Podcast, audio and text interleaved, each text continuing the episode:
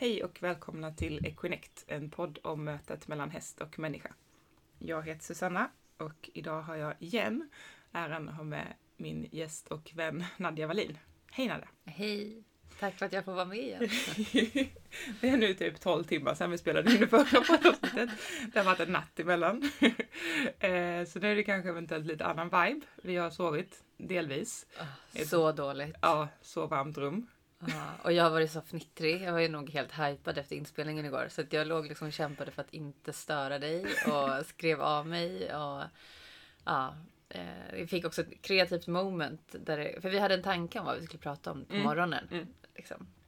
Men jag fick ett kreativt moment där det kom ett gäng frågor. Och det är ganska många frågor och de kom på tre sekunder allihopa. Aha, och nu när jag läser frågorna så känner jag att det, det kanske inte är bara jag som har ställt dem. Mm. Eh, eftersom det är här med hästarna ja. så tänker jag mig att eh, de kanske är med här. Oh, coolt. Eh, och du vet ju inte om frågorna. Nej.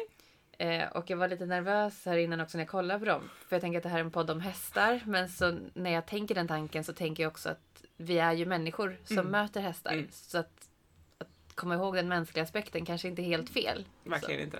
Så det sannolikt kommer bli jättebra. och den här podden handlar ju också delvis om, eller den kommer ju handla också mycket om, om vad vi behöver göra för att kunna möta hästar. Och där kommer vi osökt in på personlig utveckling och mm. så, möten med oss själva också såklart. Just det. Vill du bara ge oss en liten recap om vem du är och vad du gör? Ja men absolut. Jag heter Nadja Wallin. Jag är din kompis, vän och kollega. Vi träffas genom MIO-utbildningen hos Emily. Och eh, jag jobbar delvis som djurkommunikatör och utbildar människor i sin intuition. Eh, ja, det är mm. väl det tänker jag. Ja, Kortfattat. Och vill man veta mer så drog jag den långa rändan för 12 timmar sedan. jag antar att det publiceras. Några veckor tillbaka. Ja, precis. Ja. eh, all right, så igår hade vi en tanke om att vi skulle prata idag lite om olika stunder, defining moments på utbildningen. Så. Vill du vi ska börja i den änden? Eller du sitter liksom med telefonen redo här så jag känner att vi kanske ska... Eh, nej, vi ska nog börja med det här. Ja, så det är frågor till dig och du får svara från hjärtat. Mm. Så, som svaren kommer helt enkelt. Okay. Eh, så den första frågan är, vad betyder det att vara människa för dig? Alltså, sådana här frågor hade jag.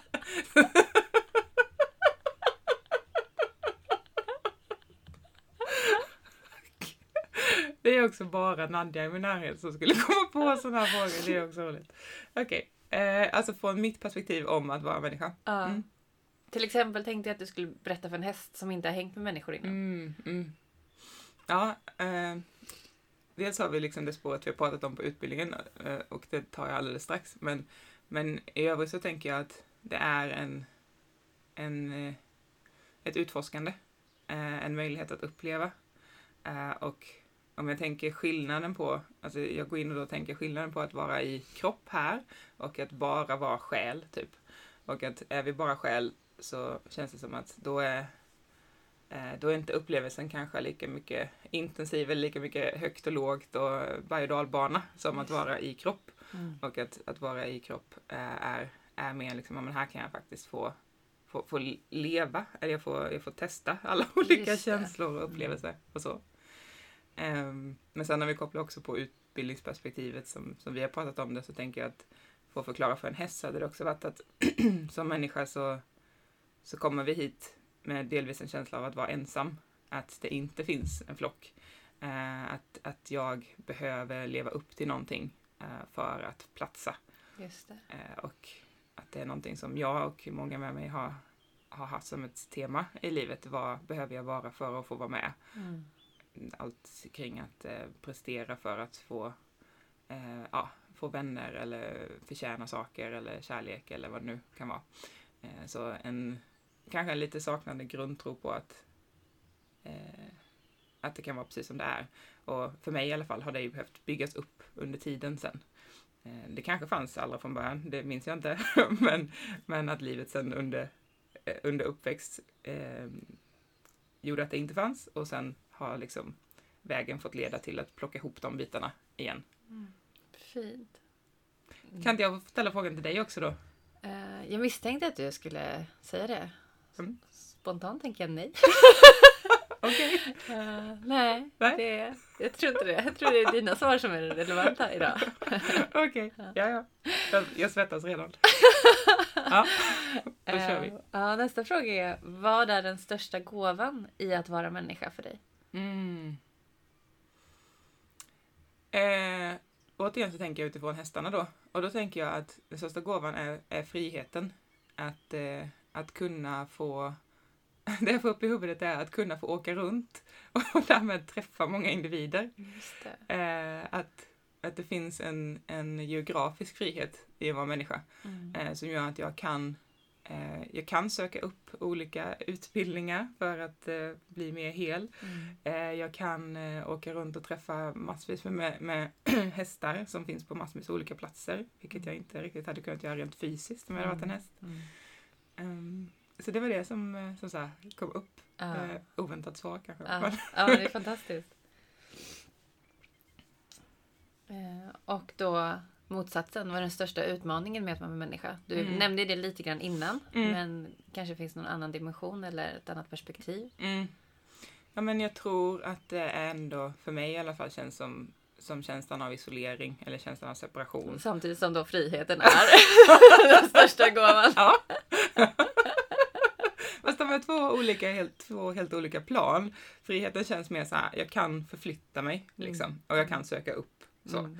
Eh, jag, har, jag har den, alltså jag är också född i, i Sverige, liksom i, i ett sammanhang som är, det är enkelt för mig. Jag har, liksom, har det privilegiet att jag kan ta mig vart jag vill. Mm. Eh, så, medans nackdelen då, eller eh, ja, det, det jobbiga är just kanske känslan av att, jag vet någon, eh, någon eh, lärare säger att en av de jobbigaste sakerna för oss människor är att vi, vi kommer aldrig helt och fullt förstå den andras upplevelse. Mm. Vi kommer aldrig kunna dela vårt allra innersta. Vi kommer försöka sätta ord på det, men jag kommer aldrig fullt ut kunna dela det med dig. Mm. Ehm, och det tänker jag, det, det, det har jag levt utifrån, som, som ja men så är det ju, eh, länge. Men börjar känna att, fast är det verkligen så? Eh, för också i, i det vi gör med att möta hästarna här hos Emelie till exempel, där är det ju att vi, och så som jag gör när jag pratar med hästar, så är det ju liksom att jag får bli den andra eh, en stund.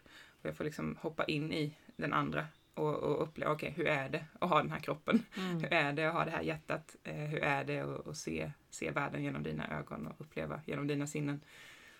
Sen kanske det finns massa filter däremellan som gör att jag inte fullt ut kan uppleva det ändå. Men alltså utifrån den individens perspektiv. Men, men det kanske är ett steg närmare. Ja, jag tänker mig att det inte är omöjligt. Nej, det känns som att det... Eh, Begränsningen har ju funnits innan 100%.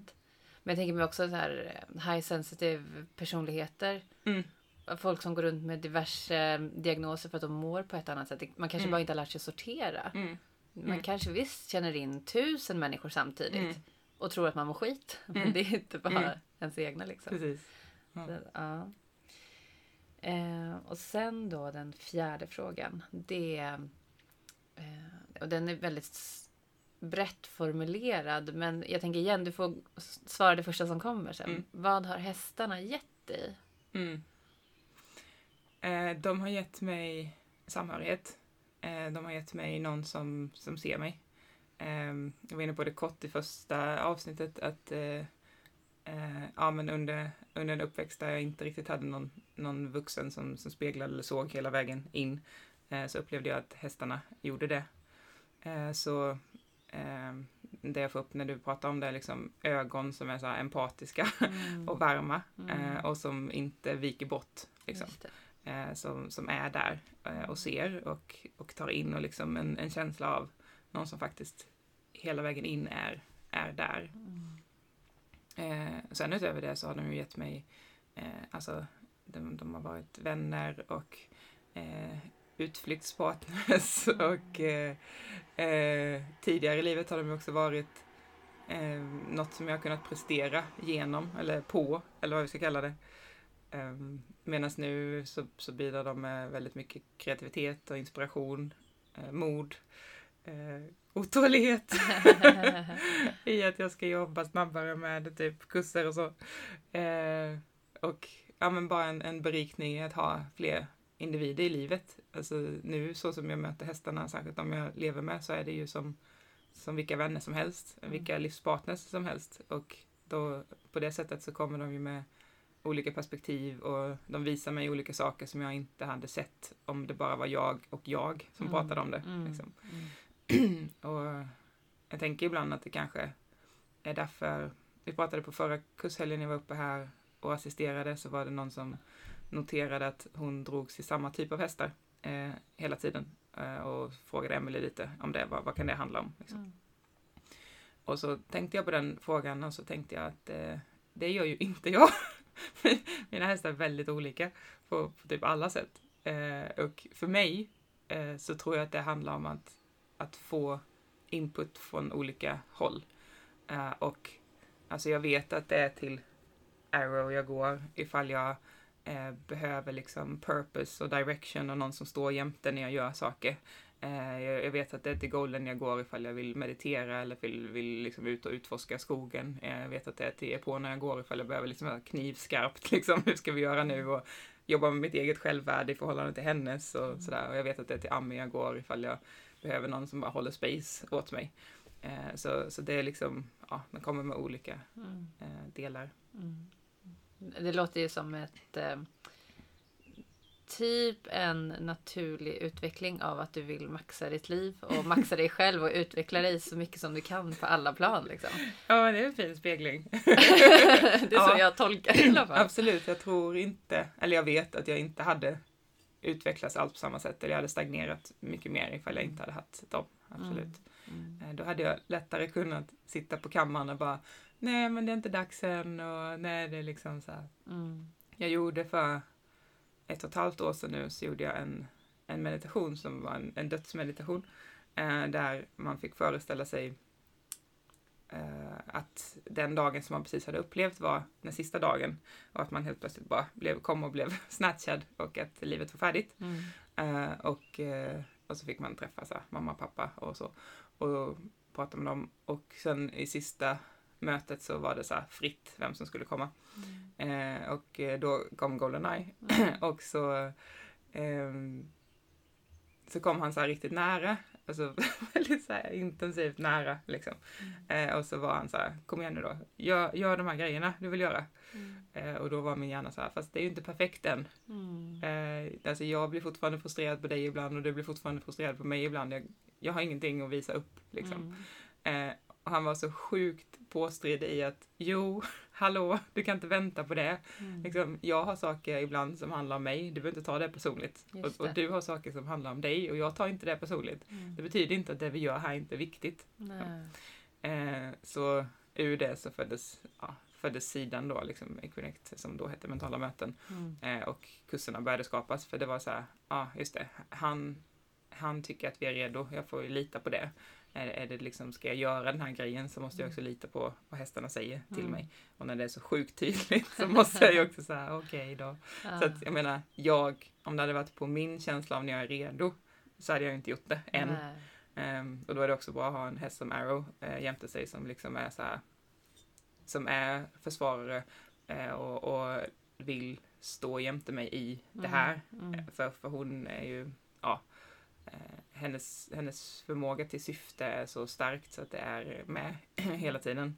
Ibland får jag bilden av henne ståendes med en vandringsstav, så här, slåendes i marken och så säger vi varje gång hon slår så säger hon så här åkalla fler, puff, åkalla fler, puff. Så jag bara okej.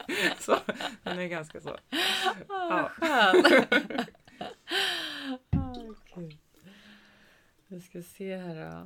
Mm, just det. Dun, dun. Och det. Det är intressant att du kommer in på nästa fråga Okej. lite grann hela tiden. Eh, för då har vi en bild som jag ska måla upp Mhm. väldigt kortfattat. Mm. Och då frågan är vad betyder den bilden för dig? Mm. Ett liv utan hästar. Mm. Magsår. Jag rör så här på halsen. Jag brukar inte göra det. Eh, ja, alltså det hade känts eh, ensamt. Eh, Det betyder inte att jag inte hade kunnat kanske Alltså tänka så här, kan jag få andra djur då eller? Men eh, eh, för mig är det någonting speciellt med just hästar. Den dragningskraften har funnits sedan sen alltid.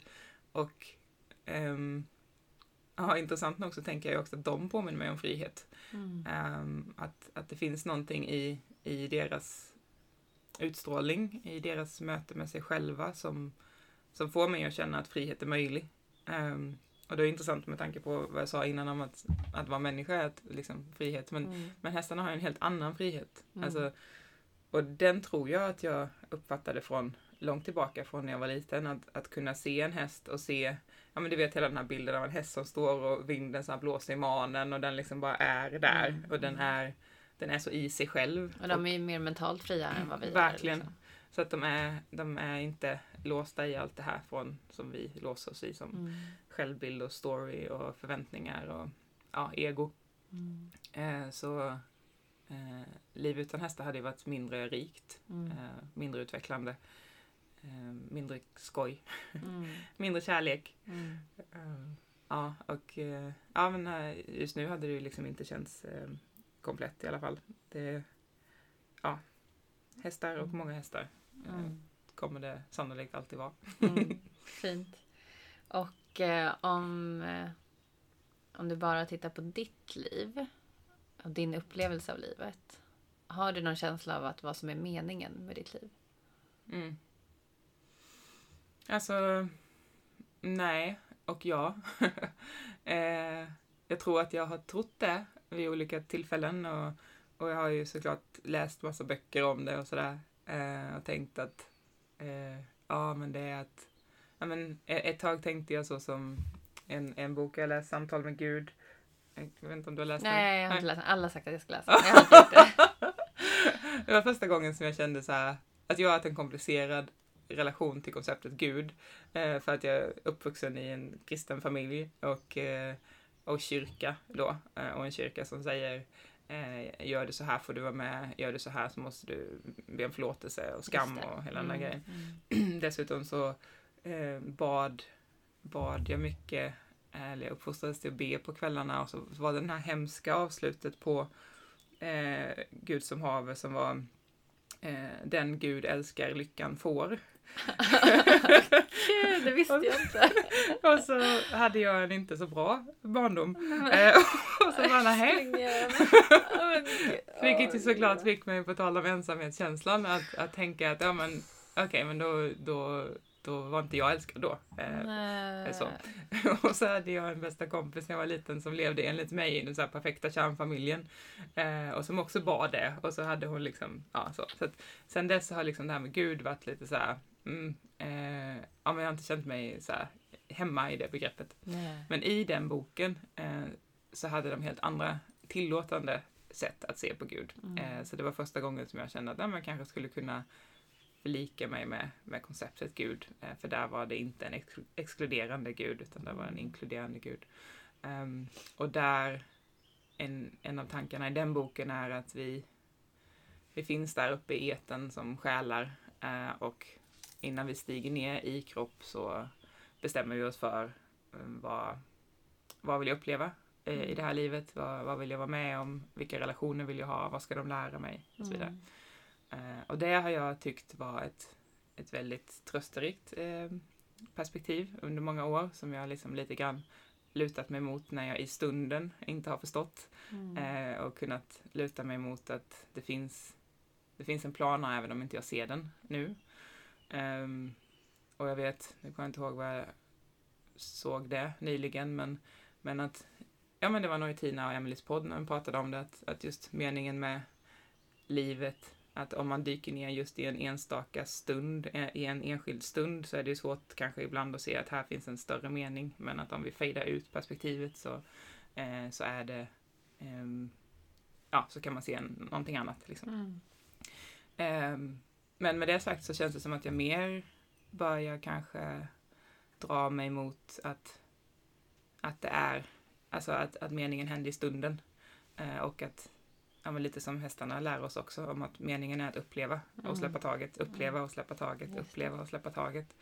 Eh, och att jag får skapa den meningen och att jag får, lite som vi pratade om i förra poddavsnittet när du var med, att eh, bjuda in det jag vill ha, mm. eh, ha fokus på det.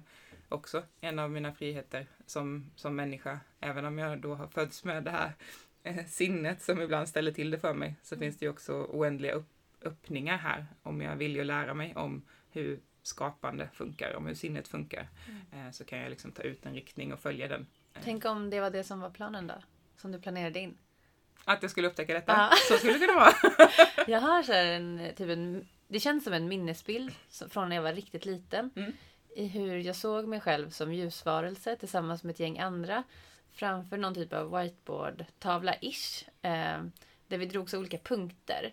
I typ så här, de här platserna kommer jag vara på, de här människorna kommer jag Ja. möta. Och space däremellan var liksom random. Aha, ja. Eh. Jag får ju också tänkt på det, de kan ju inte ha designat alla möten, det är helt sjukt komplicerat. Men det där Ja, ju... och plus att då, blir, då är det ju helt låst. Mm. Och det tror jag inte på. Mm. Jag tror på den fria viljan. Jag tror på liksom, Mm. vad vet jag, ja, oplanerade saker. Mm. Liksom. Det får, Mm. Min hjärna kan inte acceptera en box, liksom, att någonting är låst. Nej, det går nej. liksom inte. Eh, men så jag tänker mig att en kombination av det där Mm. är ju inte orimligt för mig. Nej, Eller snarare känns logiskt Ja. i mitt huvud. Liksom. Jo, eh, och upp på något sätt som sagt en, en tanke att kunna luta sig mot de gånger man just i stunden inte riktigt förstår syftet. Och det tycker jag kan vara skönt. Mm. Vi har två frågor kvar Mhm. och vi kommer hinna ta dem Mm. i vårt tidsschema Okej. som vi faktiskt har. Du har också koll på tidsschemat, titta utvecklingen. Ja, jag är lite koordinator. Ehm, om, vad vill du tro om framtiden? Mm. Mm, men jag vill tro på möjligheter. Ehm, jag, jag vill tro på att det jag eh, längtar efter eller bestämmer mig för är möjligt. Och, och så känns det. Ehm, det är väl en sak som, som, som har blivit starkare år efter år ju mer jag har lärt mig om, om mig själv och om livet. Att det är, alltså det är möjligt. Det, det jag vill är möjligt. Ehm, och där kan jag ju ibland tvivla på mig själv i förhållande till den här planen. Men eh, inte, inte tvivla på hästarna i det. Och då, så de håller mig liksom på, på spåret. Så Mm. vad jag vill tro om framtiden är ju en, en värld där vi möter hästar eh, så som vi möter hästar här uppe. Liksom Mm. som, som individer med sin, sin egen sin egen, ex, sitt eget existensberättigande för att de finns. Så att det Mm. liksom inte är ett ägandeskap. Vi har ingen rättighet att bestämma någonting för att vi, vi tycker att vi kan sätta ett avtal på att jag äger den här individen. Mm. Och att, och att individen då istället får bestämma. Var vill jag bo? Med vem? Vad vill jag göra? Eh, och att vi förstår hur mycket vi har att lära av dem istället för att vi går runt och tänker att vi ska lära dem saker Mm. hela tiden. Mm. Ja, gud vad fint. Eh, och ehm, om du fick ge en gåva, gåva som i vad som helst, till alla människor, Mm. vilken gåva skulle det vara? Fint. Eh, samhörighet. Eh, och då tänker jag samhörighet. Ja, kanske, jag vet inte om man kan det här, eh, men samhörighet med sig själv, Mm. om det nu finns ett sånt begrepp. Men också samhörighet med alltet. Jag hade, jag då som, eh, in, alltså jag är uppvuxen i ett sammanhang där, där det var fyrkantigt och alltså logiskt och what you see is what you get så. Så att allt det här med att, ja men att man skulle kunna prata med ett djur eller att känslor överhuvudtaget typ var någonting som man pratar om eh, var inte tillgängligt. Eh, så det är de senaste tio åren som jag gett mig in i meditation, yoga, spiritualitet och så. Och ehm, det är oklart varför jag eh, nämnde det, men eh, det, det har ju liksom, jo, eh, jag har inte trott tidigare att det är någonting som jag längtar efter. Att, Mm. vad, vadå, att känna, att känna mig ett med saker. Varför, varför ska man göra det? Det är Mm. liksom, det har inte, har inte funnits en längtan i mig till det för att jag har inte liksom hört talas om det. Mm. Jag har inte tänkt att det spelar så stor roll. Sen förra gången jag var på kurs här, då var jag här som assistent och en vän till mig går första året. Och så frågade hon om vi skulle sova ute natten mellan lördag och söndag. Eh, och så hängde jag på det. Och det, när vi, skulle, vi kom till en fantastisk plats vid en sjö och vi hade så här fantastiska samtal. och Vi badade näck i sjön och vi låg på klipporna och soltorkade oss för det var varmt. Och, så här. och sen så eh, när det väl blev läggdags så hade vi varit vid den platsen liksom, i, i flera timmar och det känns som att hade... Platsen var väldigt tacksam för att vi var där. Och så skulle vi sova i hängmattor. Eh, så det betyder då att själva vår sovkonstruktion satt fast i varsitt träd. Eller två träd var. Och när jag skulle sova då så var eh, ibland om jag har varit singel ett tag och saknar närhet och så ska jag sova med någon som jag verkligen tycker om Eh, då är det så himla gott med den här närheten, så mitt nervsystem vill inte somna. så jag vill bara så här, åh, jag vill bara uppleva ja, det här det, hela natten. Nu sätter du ju ord på något som jag upplevt och inte fattat vad det handlar om. Okej. så då är jag bara i någon slags dvala istället ah. och, och, sover inte för att jag bara så här, mm, det här liksom. Ah. För det är som vibration i det så det går Just inte det. att sova. Mm. Eh, och den, exakt den känslan, fast starkare, fick jag när jag var hållen av träden där mm. den där natten. Wow. Det gick liksom inte att somna för det var så mycket healing. Det var så mycket bara intankning av energi av att vara på den platsen, av att träden liksom förstod att vi ville höra dem, vi ville liksom vara vördnadsfulla mot, mot platsen, mot naturen. Vi hade precis varit på en kustdag med Emily och hästarna, gjort massa expanderande medvetande övningar och så här, se den andra övningen och så kommer vi dit och det var liksom bara pff, och den samhörigheten, den, den tryggheten som kommer av den sam, samhörigheten, mm. den är ju liksom jag förstår ju nu att den är så här intankad i mig. Jag vet att den känslan finns mm. och, och den, den gör någonting med mig. Att, att den finns liksom här, här inne, den är upplevd nu. Mm. och tänk om, tänk vilken trygghet det skulle kunna bidra med mm. ifall alla fick känna den känslan av att oavsett om det finns en människa här eller inte så finns det alltid någon varelse här mm. och som, som kan hålla, som mm. kan hålla space, som kan ge mig healing, som, som kan se mig, som jag kan vila mot. Och är det någonting som jag tror att vi behöver så är det att få vila mer.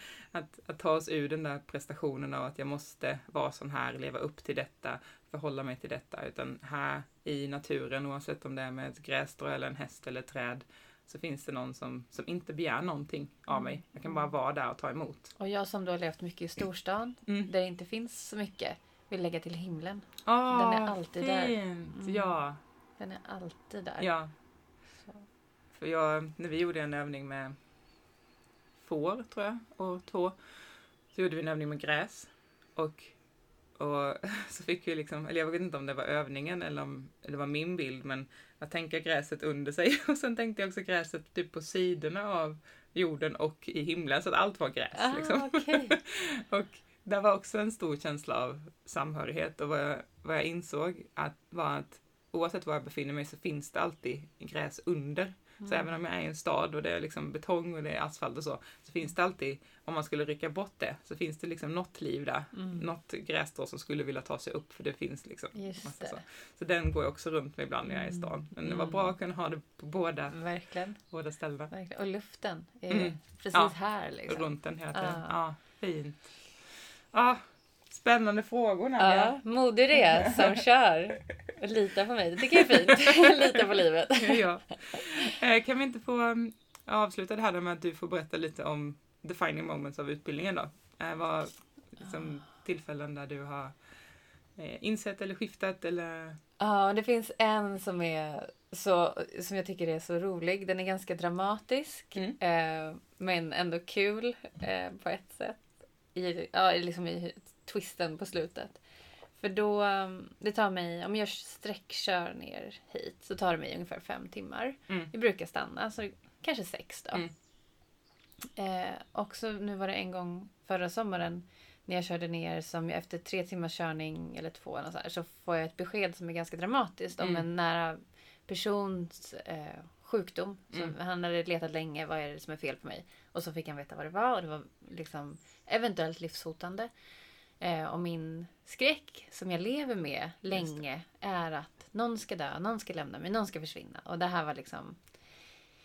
Eh, jag hade liksom väntat på det här eh, utifrån en mönster, ett mönsterperspektiv egentligen. Mm. Inte för att jag kunde förutspå detta, men för att det, det var min största rädsla. Eh, så det tog mig tio timmar att komma ner istället. För att jag liksom stannade, panikångest, gråta, så här, behövde handla något på Konsum, gick vilse på Konsum.